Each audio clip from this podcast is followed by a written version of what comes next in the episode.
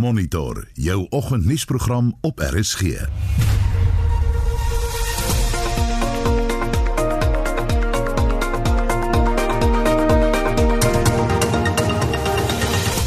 ons program vanoggend die land treur oor die dood van minstens 21 vroue in geslagsgebaseerde geweld, maar statistiek toon dat mans 'n veel groter kans staan om vermoor te word. South African men get murdered between 5 and 6 times more often than South African women. So the figures for women are hovering at about 2,500 women per year. The figures for men are sitting at about 17,000 a year. But you would never guess that from the statistics. Groot opgewondenheid oor die sardientjie loop aan die suidkus. The sardines are being netted as we speak in Port Shepstone. I've been in touch with the netters. It's a very strange phenomenon this year because they say the sardines are actually moving south. Normally, this part of the year, you'd, actually they'd be expected to be moving from south to north. En later praat ons met die beskermvrou van Borgewoord, Laurika Raug. Goeiemôre, ek is Anita Visser. Baie welkom by Monitor.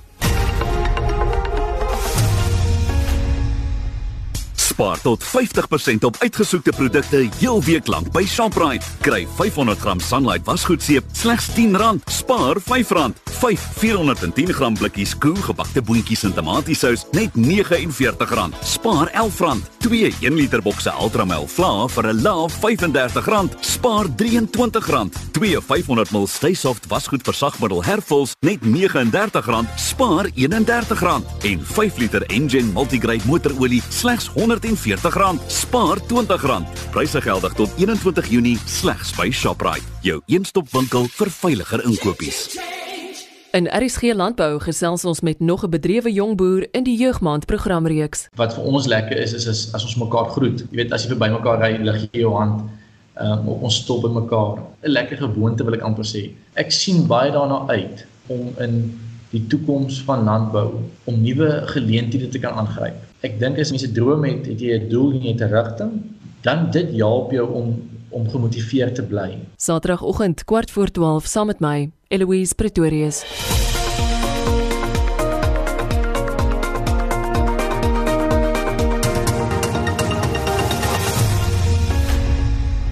Maar nee, wat sê die koerante vanoggend?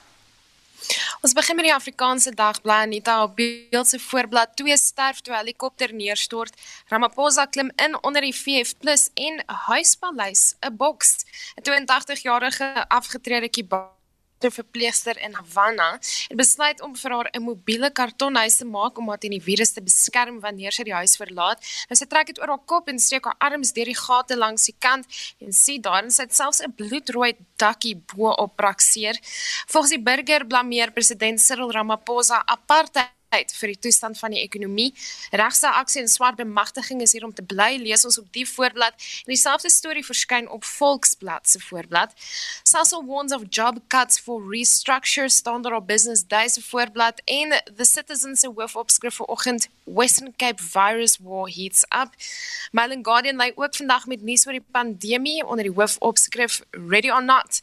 Nou onder die opskrif lees ons onder meer die volgende: The lockdown bought time for more ICU beds and emergency responses to be firmed up, but it wasn't enough.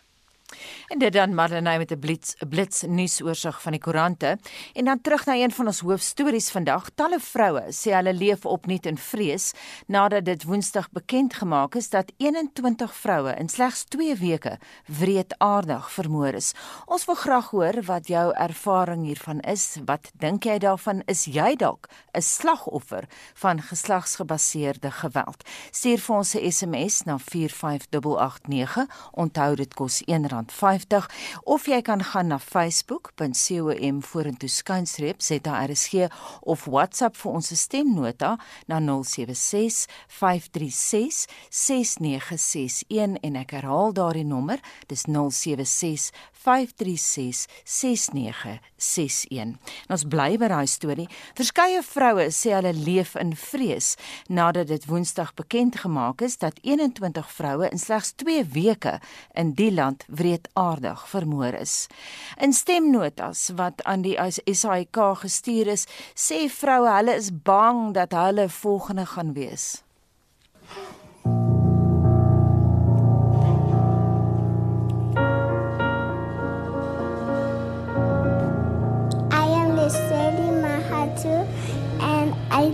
To live in fear as a little girl in South Africa.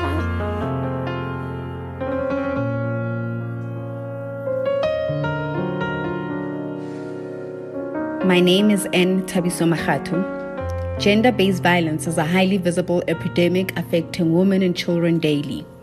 And I refuse to sit back and become a statistic. Bonolo Kabuza.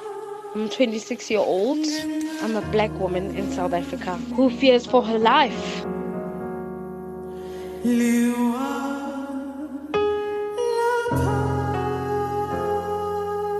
You're literally now waiting to hear if it's your cousin or your your friend. In which, in my case, it's a friend.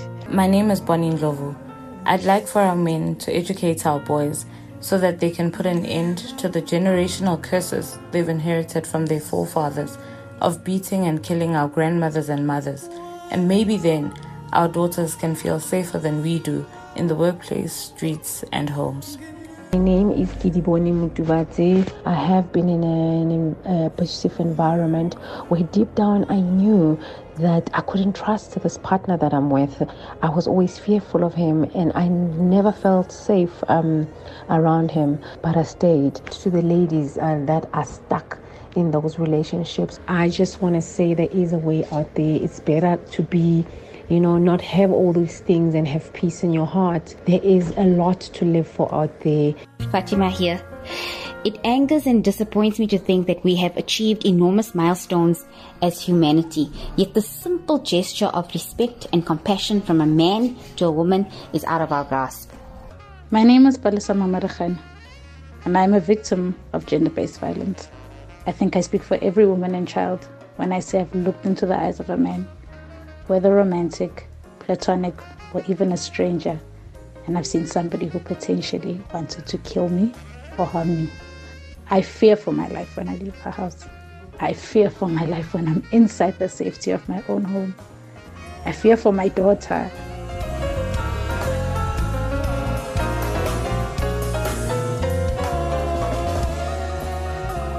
I carry with me scars from all the times I've fought off robbers and hijackers, scars of when I fought off rapists and would be murderers, even those that once claimed to always love and protect me. I have had to fight, and that's just the problem. Why should we constantly fight for our safety? Why should we constantly fight for our existence as women?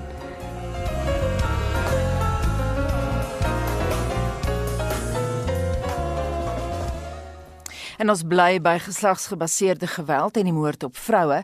'n Navorser wat spesialiseer op die soort geweld aan Wits Universiteit, Lisa Wetten, waarsku egter teen paniek. Sy sê die COVID-19 pandemie belig diep gewortelde kwessies wat nie dikwels aandag kry nie. Sy waarsku ook dat die frase oorlog teen vroue en kinders glad nie behulpsaam is nie en dat mans eerder as vroue statisties gesproke meer vir hulle lewens moet vrees as With all due respect to those who've suddenly discovered that gender-based violence is a problem, have been there all along, people have lived with and haven't thought it was important or necessary to do anything about. Now suddenly they've discovered it and they want to scream and shout. I'm afraid that's not going to address these long-standing problems. If you start thinking about this as war, what do you mean? Are you suggesting that we go out and arm everybody in relation to men? And so I think what we need to do is actually go and look at those figures very much more closely because they're often very contradictory. Sy sê dis van selfsprekend dat die syfer vir die aanmeld van huishoudelike geweld en verkrachting vir my afgeneem het weens die inperkingsmaatreëls. Here you don't know whether the decrease is due to the fact that women can't get transport to the police station, that they have seen how abusively the police are behaving to those who they think are breaking lockdown restrictions. We have also seen examples in the courts where clerks are closing courts early or turning people away because they haven't been properly educated around the virus. If you look at the telephone helplines, while the overall number of cases are increasing, if you look more closely, the calls they're getting are not always for GBV. It's for everything from how do I get a SASA grant to my neighbor is breaking the lockdown regulations to I need a shelter, I want to leave. Sy beklemtoon egter dat die term oorlog teen vroue en kinders nie gepas is nie. It's not useful to jump to calling this a war just yet until we know what's going on. Are women able to get help? Are they being turned away from help?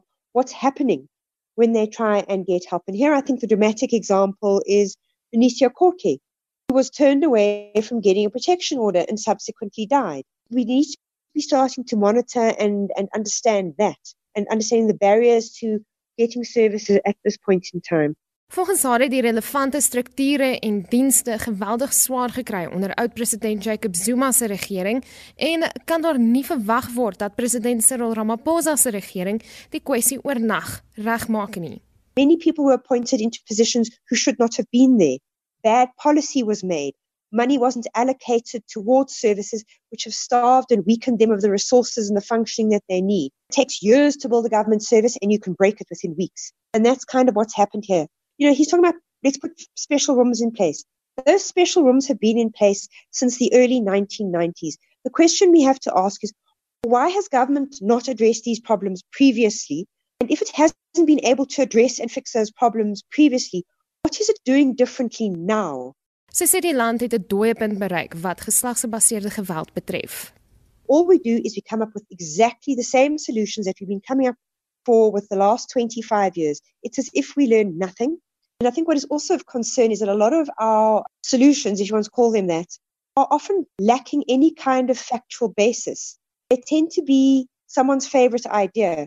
We don't have any kind of analysis or, st- or statistics or research saying, actually, you're right, that is the problem. This is how many people it affects, and these are the kinds of solutions we can look at. It's very interesting to compare the scientific way we re- respond to COVID 19 and the rather unscientific way we respond to the problem of gender-based violence. Volgens haar is 'n meer wetenskaplike benadering nodig. There is this claim that violence is increasing. If you look at statistics, that's quite a difficult claim to make because actually the high point of murder in this country and rape was in the 1990s. You can see that figures for both rape and murder, and women's murders in particular, during from about 2000 onwards have been going down. And in 2011, if you talk about women's murders, they were the lowest they've been in probably a good 20 years. So for us to suddenly say that now they've increased completely misunderstands the situation. They have been going up since 2012, as have the figures for men. 'n Gebrek aan behoorlike kommunikasie oor die werklike stand van sake is een van die regering se swakpunte in die verband. When you don't give people proper information and all they're getting from the media is increase increase increase increase and they're getting this on the social media and they're getting this on Twitter. Increase, increase, increase. Women murdered all the time. Of course, it's going to make them feel very frightened. So I think there's there's a real need to be able to look at putting accurate information out there. Sy waarskyn tussen dat heelwat meer mans in die land vermoor word as vroue en dat daardie syfer saam met die moord op vroue styg. South African men get murdered between 5 and 6 times more often than South African women. So the figures for women are hovering at about 2,500 women per year. The figures mm. for men are sitting at about 17,000 a year. But you would never guess that from the statistics. So, on the one hand, you're creating this terrified female population. Whereas, statistically speaking, if you're a man, you are so much more likely to be killed.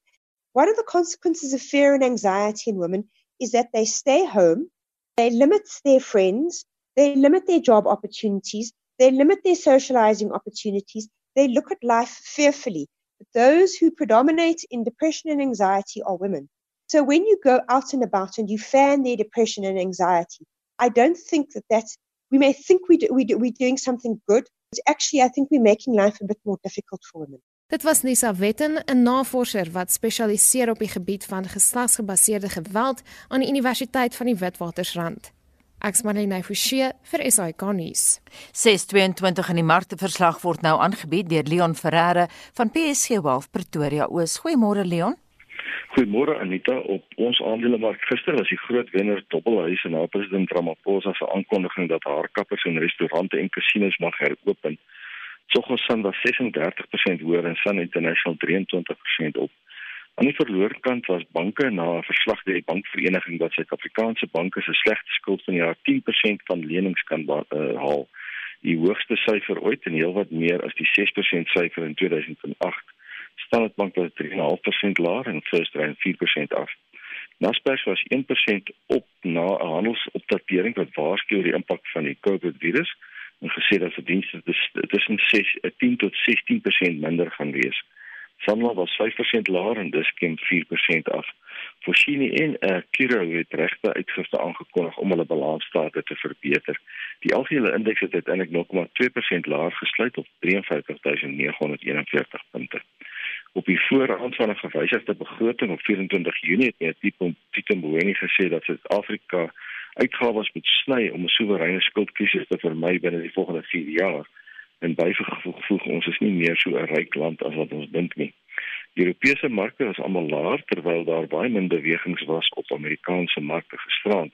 Die Dow was effens af op 26080 punte, die Nasdaq was in die uh, vir die derde dag hoër met 0,3% tot 9943 punte en die S&P 500 net 2 punte hoër op 3115 punte. In die ooste vanoggend bly die fokus van beleggers op ontwikkelings rondom die hernieude verskyning van die virus op sekere plekke met uh, vier state in Amerika wat rekord opskiet in getalle gerapporteer het. Daarenteen het 'n Chinese amptenaar verklaar dat 'n onlangse uitbreek van die virus in Beijing onder beheer is. In Australië het kleinhandel verkope daar ook met 'n rekord 16% gestyg in Mei. Die Nikkei is vanoggend 0,1% hoër, Shanghai is 0,4% op, die Hang Seng 0,1% laer en Australië 0,9% hoër. Tencent is 1% hoër en BHP 1,3% laer. Goud verhandel vanoggend op 1734 dollar platinum 814 dollar en palladium 1899 en die Brent oliepryse is hoër op 41 dollar en 86 sent. Die rand verhandel volgens swakker op 17.45 teen die dollar, 21.69 teen die pond en 19.56 teen die euro. Baie dankie Anita, dit is al van my kant af. Baie dankie dit aan Leon Ferreira van PSG.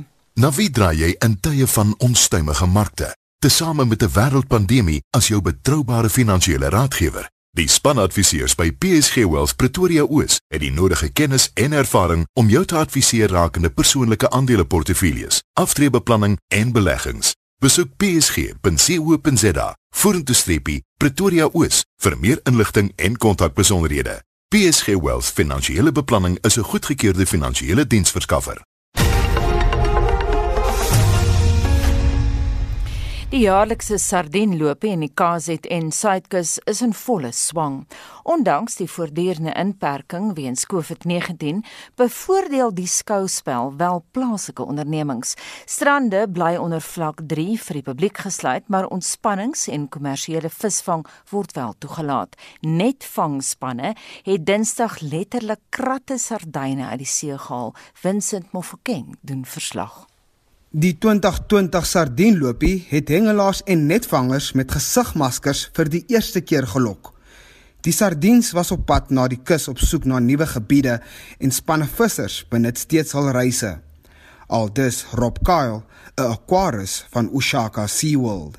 With a cold front that came through over last weekend, it pushed the sardines right up the KZN south coast. There was a lot of action the first half of the week. Most of the netters got a chance to get quite a bit of sardines, and there were quite a few really big sharks that were following the, the shoals and came into the shadows when the guys netted.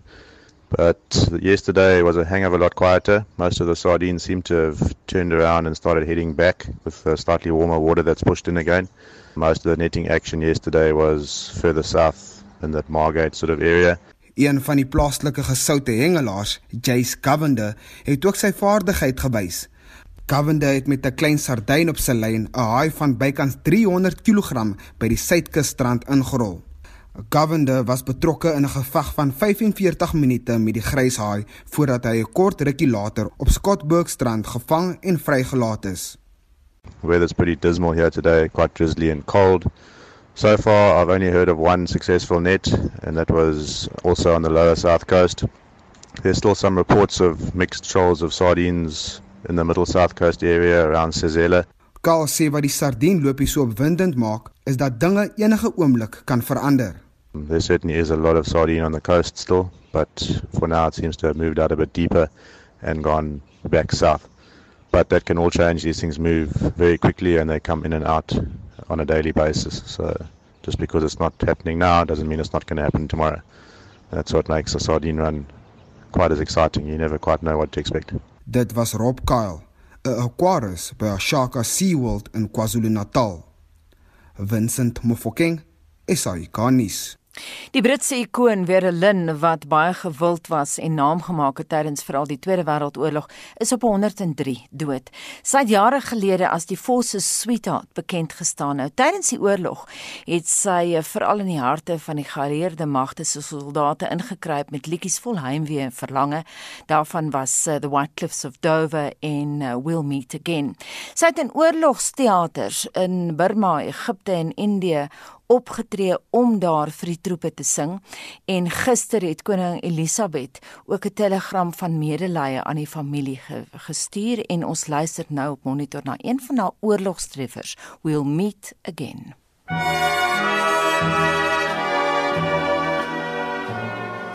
We'll meet again. Don't know where. Don't know when but I know we'll meet again some sunny day.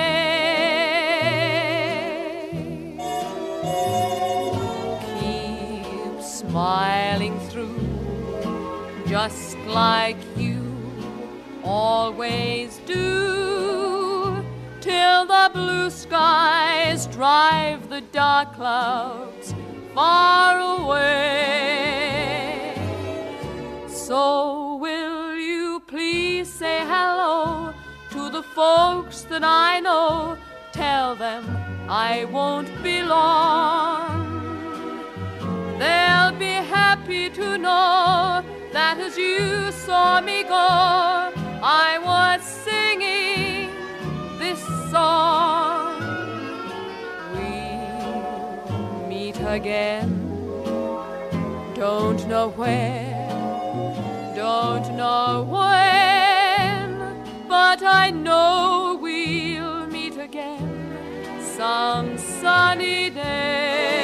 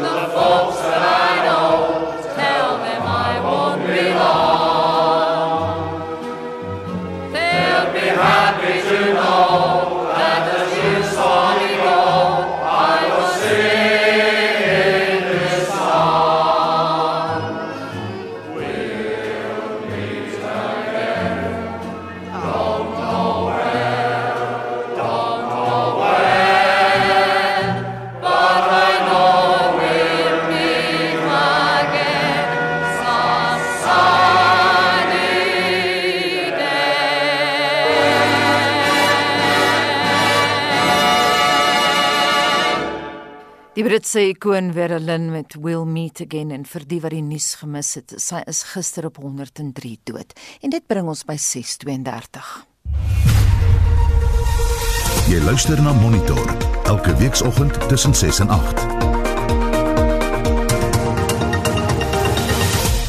In die nuus die nasionale vervolgingsgesag verwelkom die borgtogbedrag van 100 000 rand waarop elk van die sewe verdagtes in die FBS Mutual Bank saak vrygelaat is.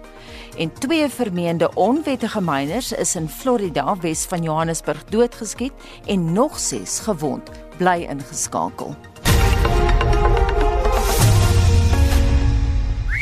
Spaar by Pick n Pay en kry alles wat jy nodig het om tuis te bly soos P&P grootmaat beesmaalvleis vir R64.99 per kilo en 1 tot 3 kg pakke P&P groente enige 4 vir R100. Aanbiedinge geld 8 tot 21 Junie. Besenfees geld terwyl voorraad hou. Slegs by Pick n Pay.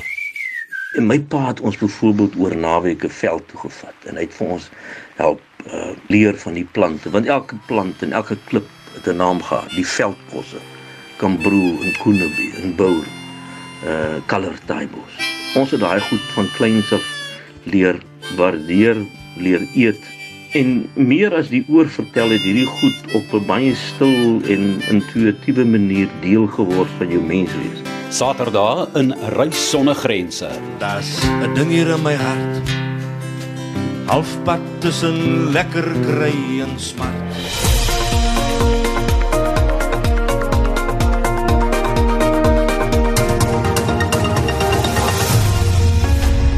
Monitor fokus vanoggend op geweld teen vroue en Vincent ons het luisteraars gevra om saam te praat. Wat sê hulle?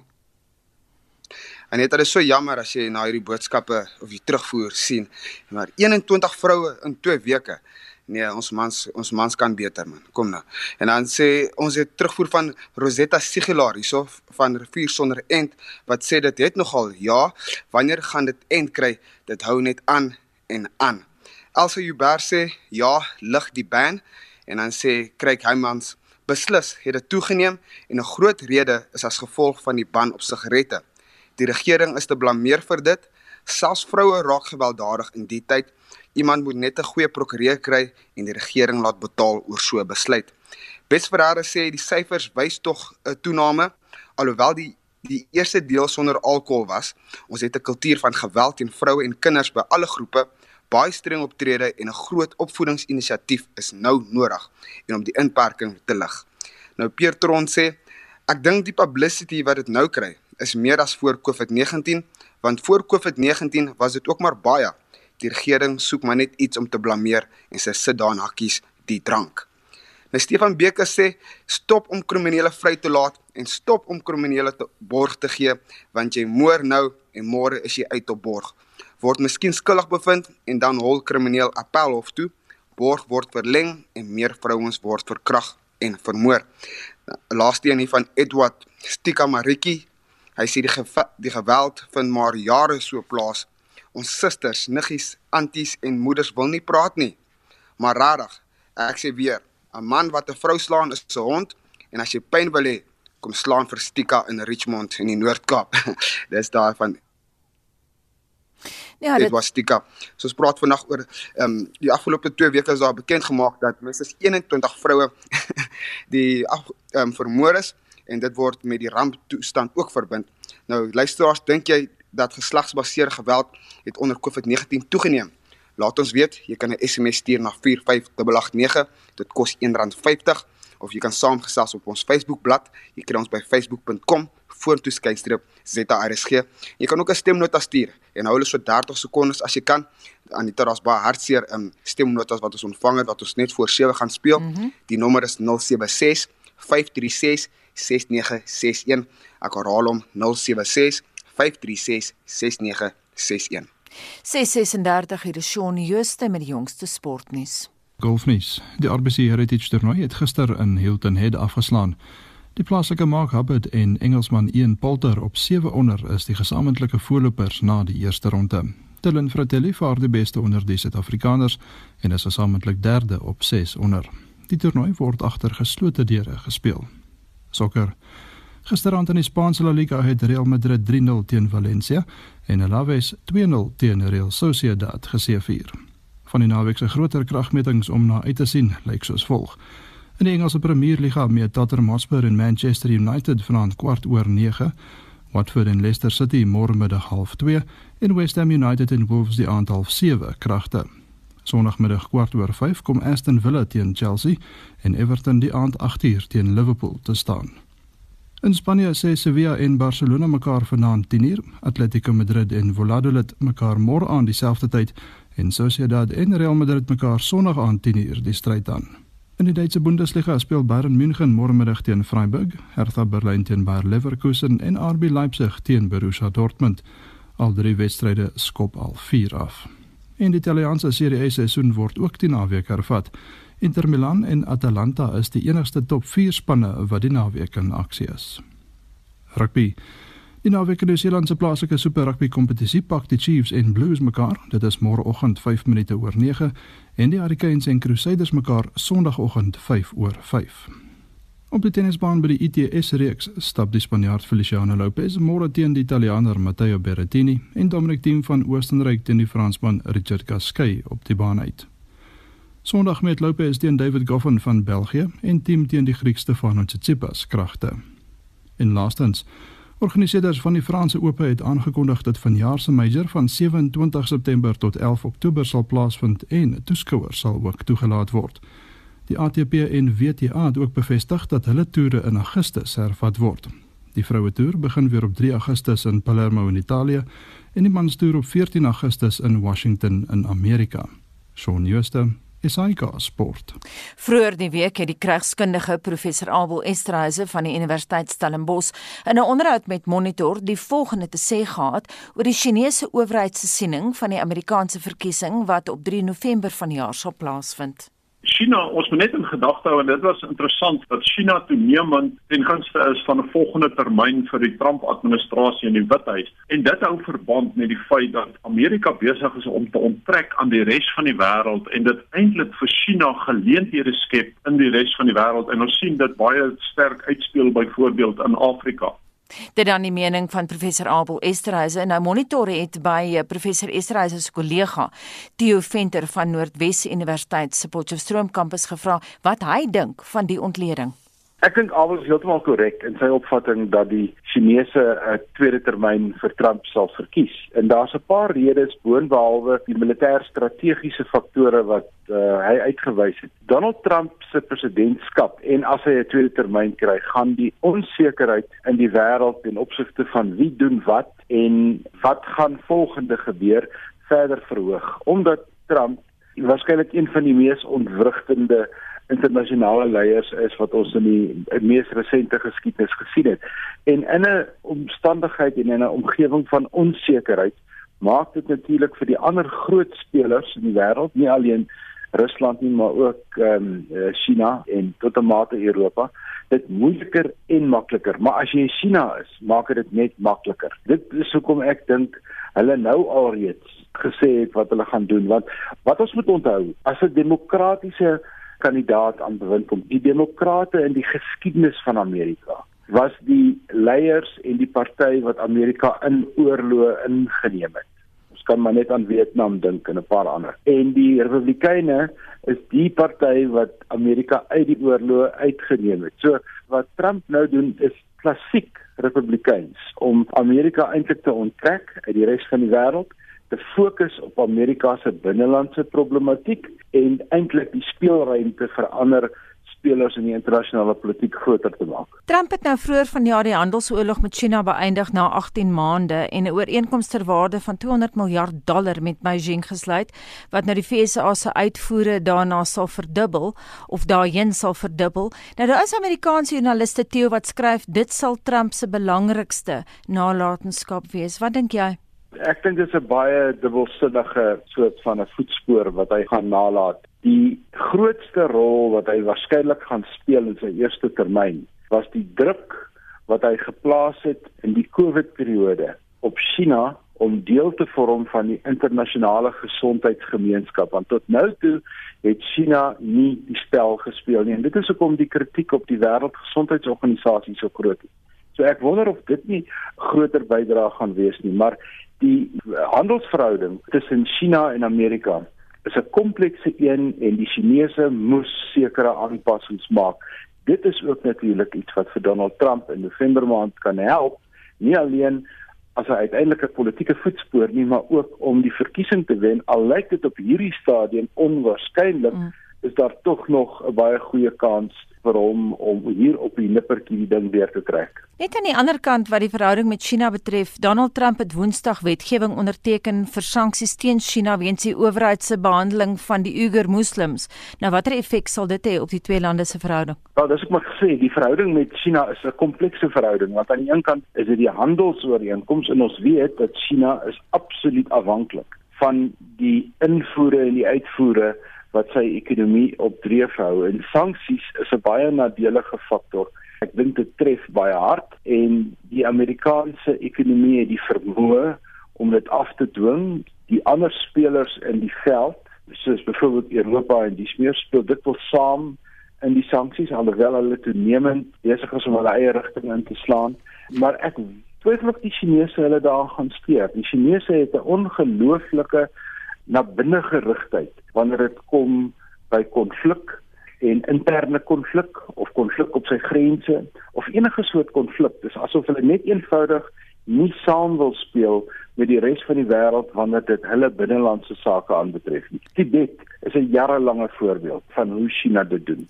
Die New York Times het nou net 2 weke gelede verwys na hoe swak Trump in peilings vaar in vergelyking met Joe Biden, maar toe van Trump geskryf en ek haal aan, he has a large war chest and a solid political foundation on the right. Stem jy saam?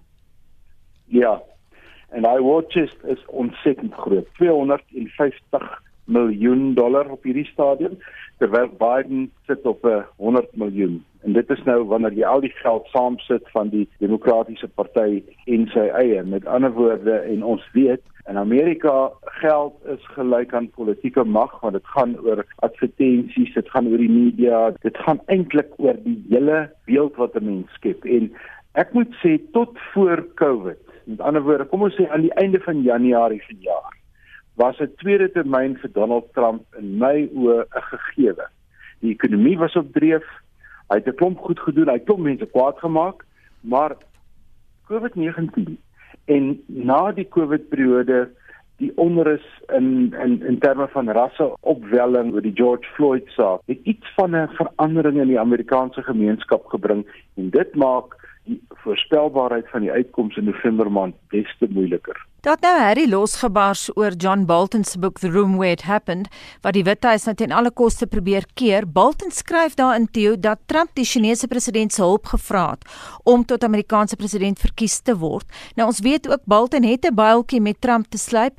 Hoe geloofwaardig is die soort aanname? Ja, ek is een van die ouens wat die boek vooruit bestel het toe hy bekend geword het want Ek het geweet dit sal een van 'n hele aantal boeke wees wat oor die Trump presidentskap gaan wat 'n mens maar langs mekaar moet pak en uit almal uit gaan jy uiteindelik die waarheid kry nie noodwendig by een nie. John Bolton was 'n onwillige lid van die Withuis. Hulle moes hom oortuig om daar te wees. Trump het byvoorbeeld niks gehou van sy geweldige moestas, sy groot ou snor. Hy, hy sê die die man het gelyk soos 'n prentjie uit een van die kinderstrokies verhale. Hy moet dit afskeer en Bolton het geweier.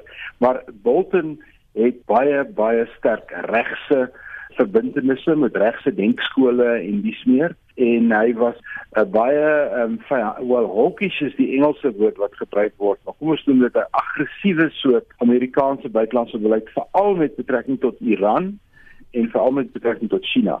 En daar het die groot verskille gekom omdat Trump is eintlik 'n baie meer pragmatiese leier as wat hy heeltyd net een deentjie sing, 'n aggressiewe deentjie of wat dit ook al, maar Bolton kon dit naderhand net nie meer hanteer nie. Hy sal onthou dis rondom die Oekraïne hmm. wat Bolton eintlik wel volgens Trump is hy gefire en volgens Bolton het hy self geloop. Daai boek gaan ek is nou besig met hom, maar dit gaan 'n baie interessante prentjie skets en alreeds is dit duidelik dat advies aan Donald Trump is 'n chaotiese proses. Hy steur hom eenvoudig nie aan deurwinterde intelligensieverslae nie. Hy steur hom gewoon nie aan strategiese insette van sy generaals van sy intelligensiegemeenskap nie. Dit lyk asof hy net doen wat sy skoonseun vir hom vertel. Ja, maar ek kan nie ja. verstaan nie, daar's al soveel kritiese boeke oor Trump geskryf deur personeel wat hy of laat gaan het of wat onder druk bedank het. Ek dink aan Unhinged deur Omarosa Newman, ek dink aan Michael Wolff se Fire and Fury. Die boeke is baie skerp en krities. Ek het hulle self gelees, maar hoekom was daar minder van 'n boei oor daai boeke? Hoekom is Bolton vir hulle so 'n teersaak? Want ek dink Bolton was 'n kritiese deel van die Trump besluitnemingsproses. Jou jou uh, veiligheidsadviseur in die Withuis is 'n baie baie senior pos. Dis 'n pos wat die insette van verskillende as omtrent 30 intelligensie liggame koördineer en aan die Amerikaanse president oordra. So ek dink daardie pos was net so krities dat dit die groot kwaai veroorsaak. Ons het begin met China. Kom ons eindig met China. Bolton skryf ook in sy boek Trump se beleid teen China is fundamenteel onaanvaarbaar en dan skryf hy dis 'n direkte aanhaling it eroded the very legitimacy of the presidency. Is dit regverdig? Ja, dit is regverdig en dit gaan presies oor Trump se pragmatisme. Jy kan nie aan die een kant dreig met sanksies en dan dit probeer afdwing, maar dan aan die ander kant met die Chinese staatshoof praat asof jy 'n vriende is wat gister saam braaivleis gehou het. Dit is waar sy administrasie so swaar kry en sy raadgewers so swaar kry omdat Trump gebruik die modelle wat mense in die private sektor gebruik en hoe jy konflik bestuur in die private sektor plaas hy net so oor in die internasionale politiek en dit is 'n totaal ander spel. En dit dan die mening van die politieke wetenskaplike Theo Venter van Noordwes Universiteit se Potchefstroom kampus wat gister met Monitor gepraat het. As al jou voeltjies reeds die nes verlaat het en dit voel 'n bietjie leeg, kom skop 'n nuwe nes by Batteleer Landgoed in Nelspruit en maak ou vriende. Ons is een groot familie. Geniet Batteleer se veilige stap en fietsroetes, talle aktiwiteite en damme, ideaal vir hengel of uitspan om 'n braaivleisvuur in die Laagveld se matige klimaat. Dis hoekom almal sê Batteleer bied jou die beste leefstyl ooit om aktief af te tree. Kry meer besonderhede by batteleerlandgoed.co.za. Shoprite help om jou aan die gesels te hou met 'n gewaarborgde 10 miljoen rand in gratis lugtyd wanneer jy enige van die deelnemende produkte koop. Onthou, hoe meer jy koop, hoe meer gratis lugtyd kry jy. Sien binne ons winkels vir aanbiedings. Promosie eindig 19 Julie. Besenfees geld. Slegs by Shoprite, jou eenstop winkel vir veiliger inkopies.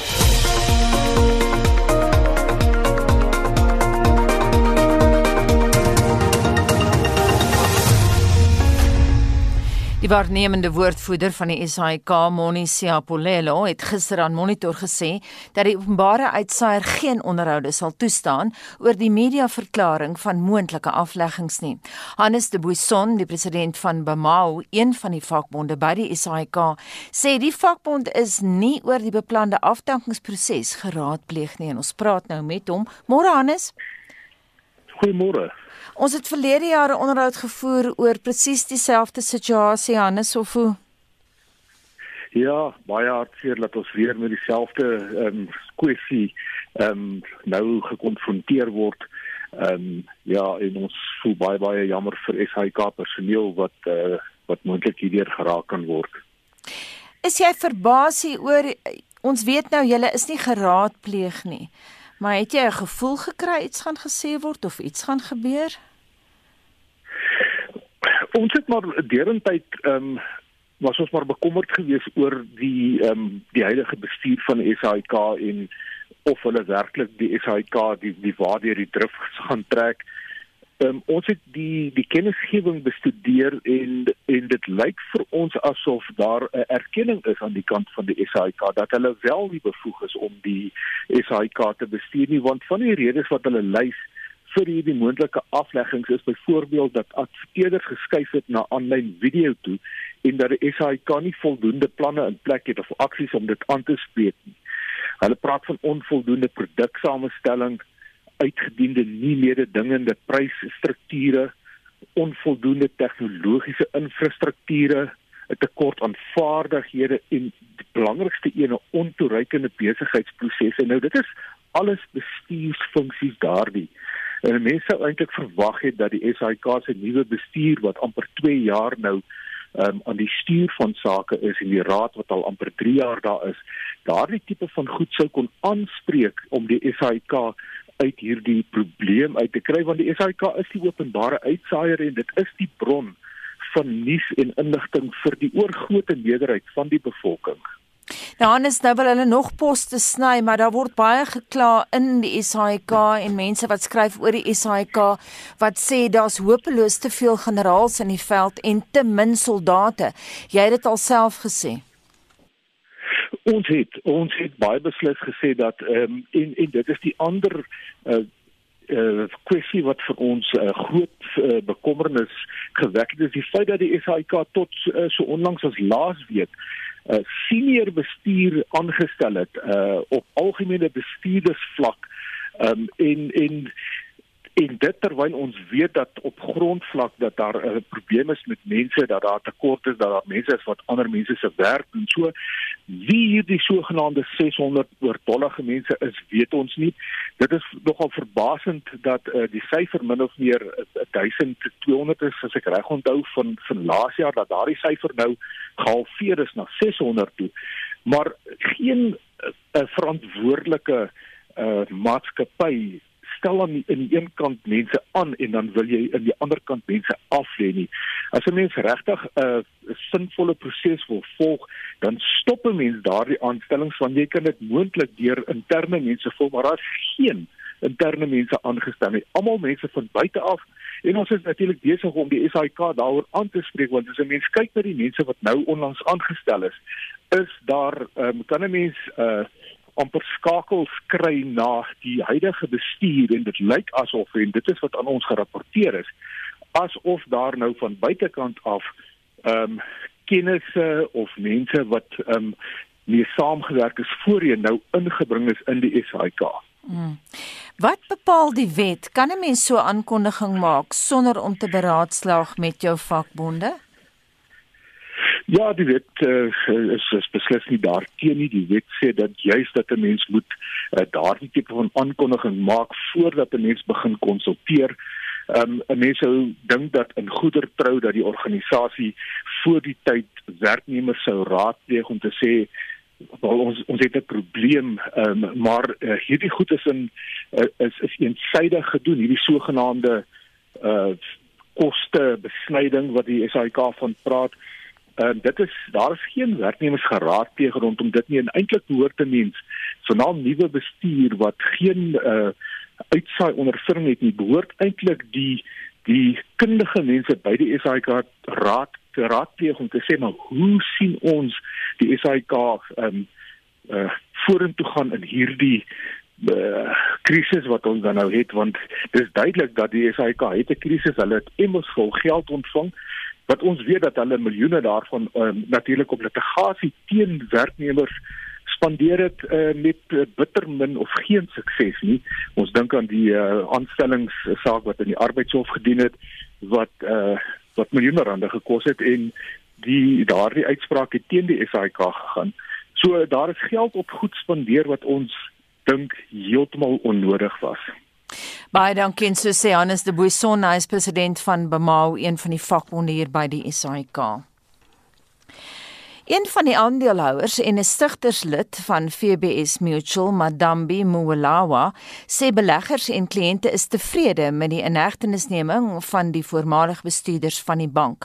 Hy sê eiendomme van die skuldiges moet verkoop word sodat slagoffers hulle geld kan terugkry. We're really excited because that was proof. That's now proof that the investigating officers are doing their job. And uh, we don't expect it to end up there because uh, this money has been channeled to other people as well that we don't know and other organizations. And we still want the investigation authorities to follow that up to the core where the money has ended up. Before they get to a point where money has ended up, we feel we may not get our money back. Especially that money of the poor, the poorest. Muvalava sê die ondersoekers het gewys dat hulle die saak ernstig opneem. The police are going to arrest those people, but the NPA is still going to try them. So we don't know what's going to happen. We'll wait to see what the NPA will do about it. But we, we expect that they will take it serious just like the investigation officers have taken it seriously. Hy sê die bank se kliënte het ongeduldig begin raak omdat die ondersoek so lank duur. When this happened, touched us very much because it involved loss of money of the poor of the poorest. And then we were always worried as to what happened until the Mutau report came out, pointing at some of the members.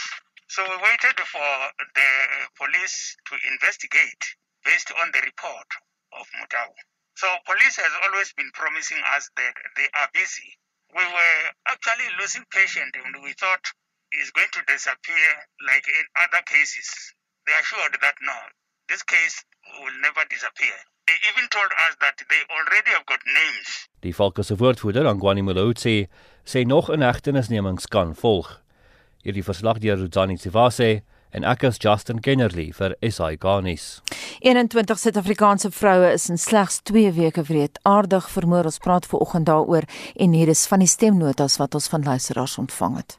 Die feit dat so baie vrouens doodgemaak is in hierdie tyd is angswekkend. En ek voel so jammer vir hulle wat ingeperk is saam met mans wat drink en hulle aanrand en vermoor.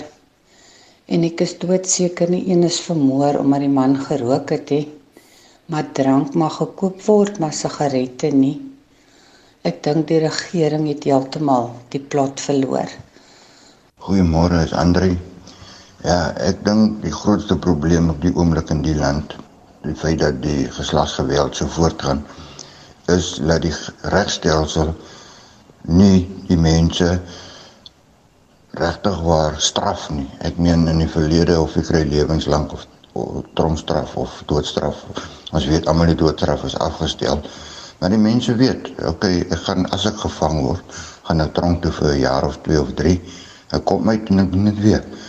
So ek dink daadwerklik dat die straf strafstelsel moet regtig waar in 'n mate so verbeter dat mense moet bang raak om so iets te doen dat vir die gevolge wat gaan kom. Ek het 30 jaar gelede uit 'n verhouding gestap waar ek verniel was fisies en psigiese vlak. Vrouens is bang om uit so 'n verhouding te gaan uit vrees vir die man se dreigemente dat hy hulle gaan vermoor.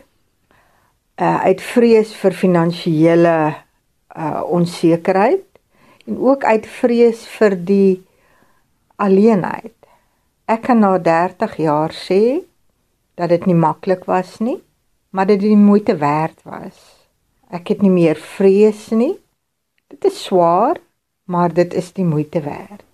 Ja, jy kan ook vir ons 'n WhatsApp uh, stemnota stuur na 0765366961.